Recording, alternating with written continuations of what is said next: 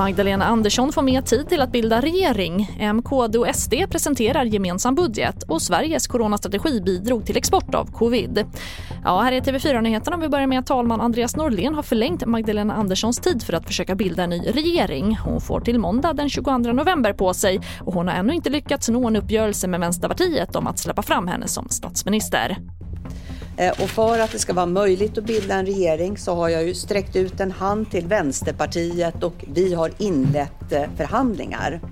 Eh, det är väldigt konstruktiva samtal som vi har och jag är naturligtvis redo att göra eftergifter så att vi kan komma överens.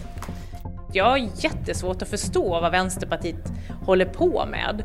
För det är samma mandatfördelning som i somras. Då röstade de gult. Om de röstar rött till Magdalena Andersson, ja då kommer det ju förmodligen att bli en annan statsminister. Och sist hörde vi Centerledaren Annie Lööf.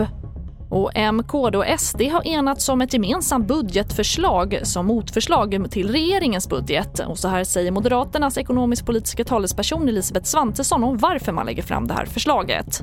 Därför att vi vill göra Sverige bättre. Eh, det här handlar om resurser till polis och rättsväsende så att vi kan pressa tillbaka kriminaliteten. Men också pengar som stärker jobblinjen så att arbetslösheten kan sjunka.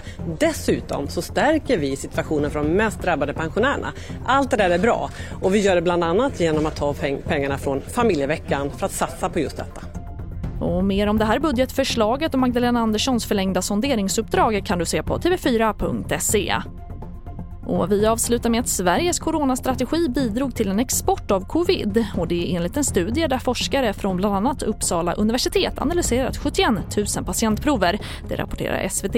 Smittkedjorna i Sverige har omfattat fler personer än i våra grannländer och i flera hundra fall har kedjorna spridits utomlands. Och antalet fall i Sverige och grannländerna hade kunnat varit färre om Sverige valt en mer restriktiv strategi. Och det är enligt forskarna i studien som får avsluta TV4-nyheterna. Jag heter Charlotte Hemgren.